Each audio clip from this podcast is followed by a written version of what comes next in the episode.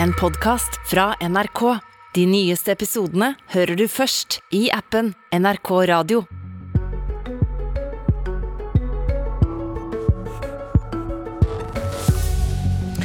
Fra i dag er alt nesten som normalt, men bare nesten.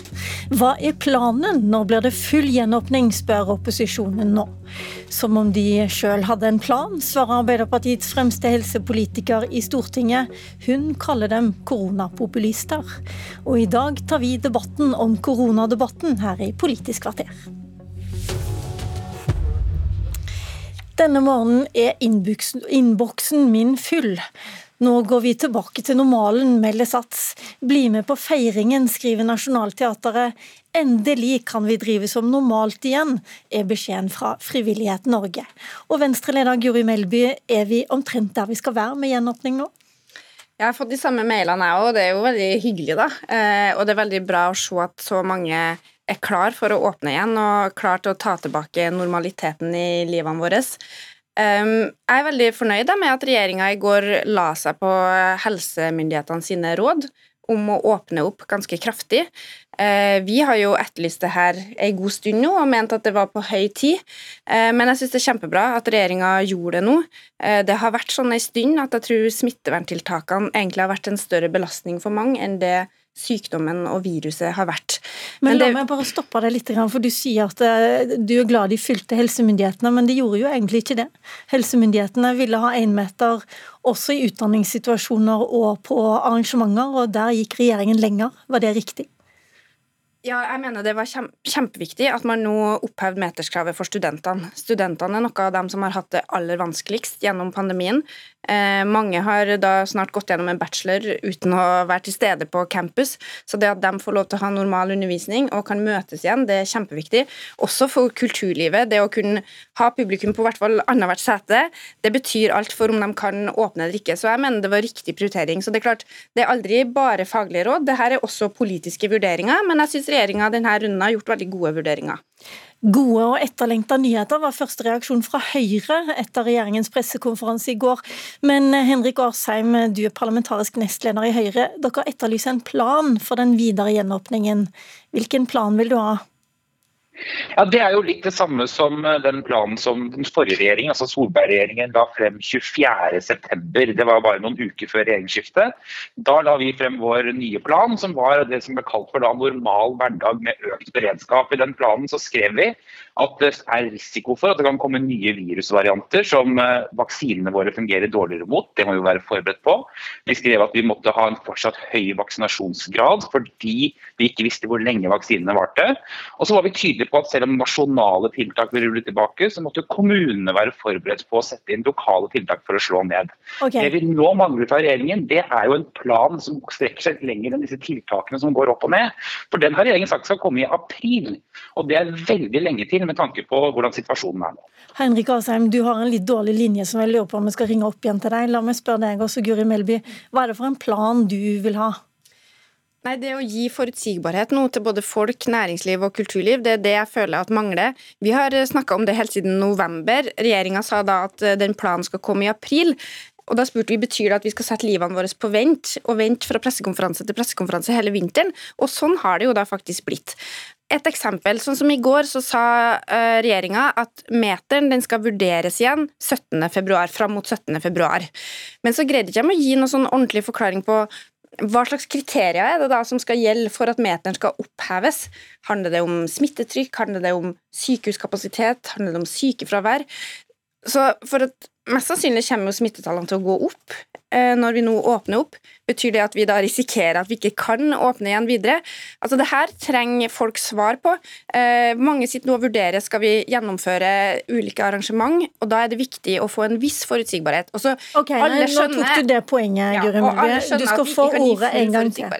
Nettopp. Du skal få ordet tilbake igjen, men la oss slippe til Cecilie Myrseth, som er helsepolitisk talsperson i Arbeiderpartiet, og kanskje du kan gi noen svar. Eh, hva er planen? Nei, først, først, er jo eh, planen det vi lanserte annonserte i går. Eh, og vi har jo fjerna nesten alle smitteverntiltak i går.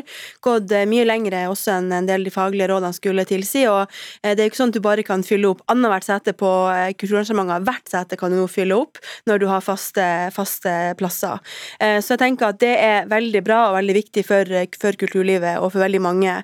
Og så har man sagt at senest 17. februar så om ting holder seg sånn som nå, så vil man jo fjerne de siste eh, tiltakene. Og det handler jo om at eh, 17. februar. 17. februar, ja. Så det betyr jo at eh, ministeren, helseministeren har jo bedt de underliggende etatene nå å fortløpende vurdere den situasjonen som vi eh, er på vei inn i, altså den smittetoppen som eh, nå eh, kommer. Og jeg tenker det at vi har et par tiltak igjen, og meteren er det veldig mange unntak ifra.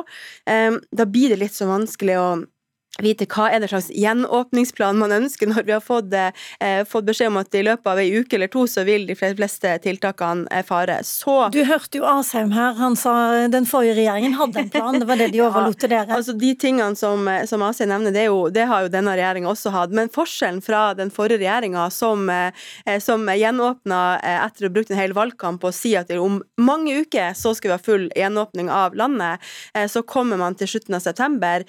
og Eh, møte opp med partyhatt og full rulle, og nå er det gjenåpning.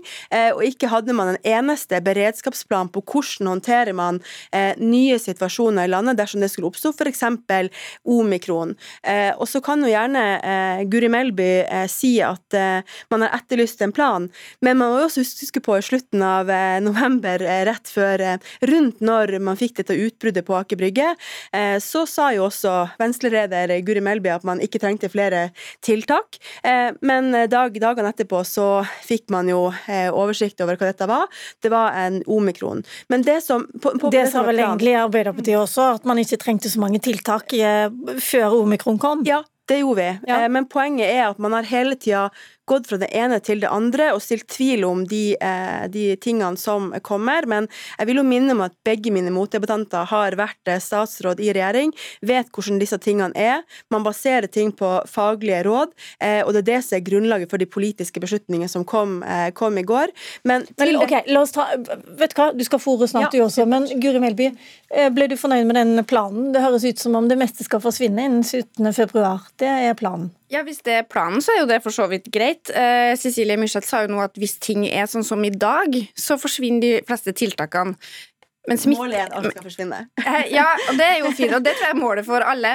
Men ja. Eh, altså, i november så sa jo jeg akkurat det samme som Jonas Gahr Støre sa. Han sto på Stortingets talerstol og hadde en redegjørelse okay, for at vi ikke nå skal innføre nye sterke tiltak. Det sa også Men bare, eh, Trenger du noen plan utover at alt forsvinner innen 17.2, med mindre alt ser annerledes ut. Og det vet du jo etter to år med pandemi at det er vanskelig å si noe om. Det er ingen tvil om at dette er vanskelig, og jeg har full respekt for den jobben som statsrådene står i hver eneste dag. Men det som er forskjellen på nå og da vi satt og styrte, det var at vi hadde et ganske tydelig mål. Det handla om innleggelser og smittetall. Det handla om kapasiteten i helsevesenet. Nå har jo målet flytta seg. Først var, det, først var det innleggelser, så var det sykefravær, sykefravær i helsevesenet. Nå er det sykefravær generelt i samfunnet. Ja, Det kan godt hende at det er riktig at målet skal endre seg, men da må jo det kommuniseres tydelig. Og på pressekonferansen i går så nevnte Jonas Gahr Støre tre-fire forskjellige mål. Er det det da som gjelder? Altså, Det er mange som nå trenger å vite det her tydelig for å kunne planlegge. Store arrangement blir avlyst, og det betyr at livene ikke kommer til å komme tilbake til normalen før ganske langt utpå våren, hvis ikke man får tydeligere beskjed om hva som kommer til å skje. Myrseth. Altså, nå eh, sier jo Melby sjøl at eh, man la fram eh, flere mål på pressekonferansen i går. Hva er det man etterlyser?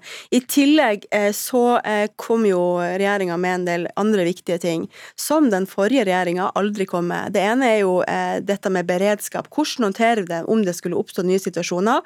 Regjeringa har gått i gang med en sånn femtrinnsplan på beredskap, som nå begynte å jobbe med i regjering, men så skal partene tas inn fra de ulike delene av samfunnet samfunnslivet for å lage plan på hva gjør man skulle det komme en ny variant eller ting skulle utvikle seg som gjør at man må komme med nye tiltak. Det er jo egentlig det man spør om, men man må jo få lov til å gjøre den planen ferdig.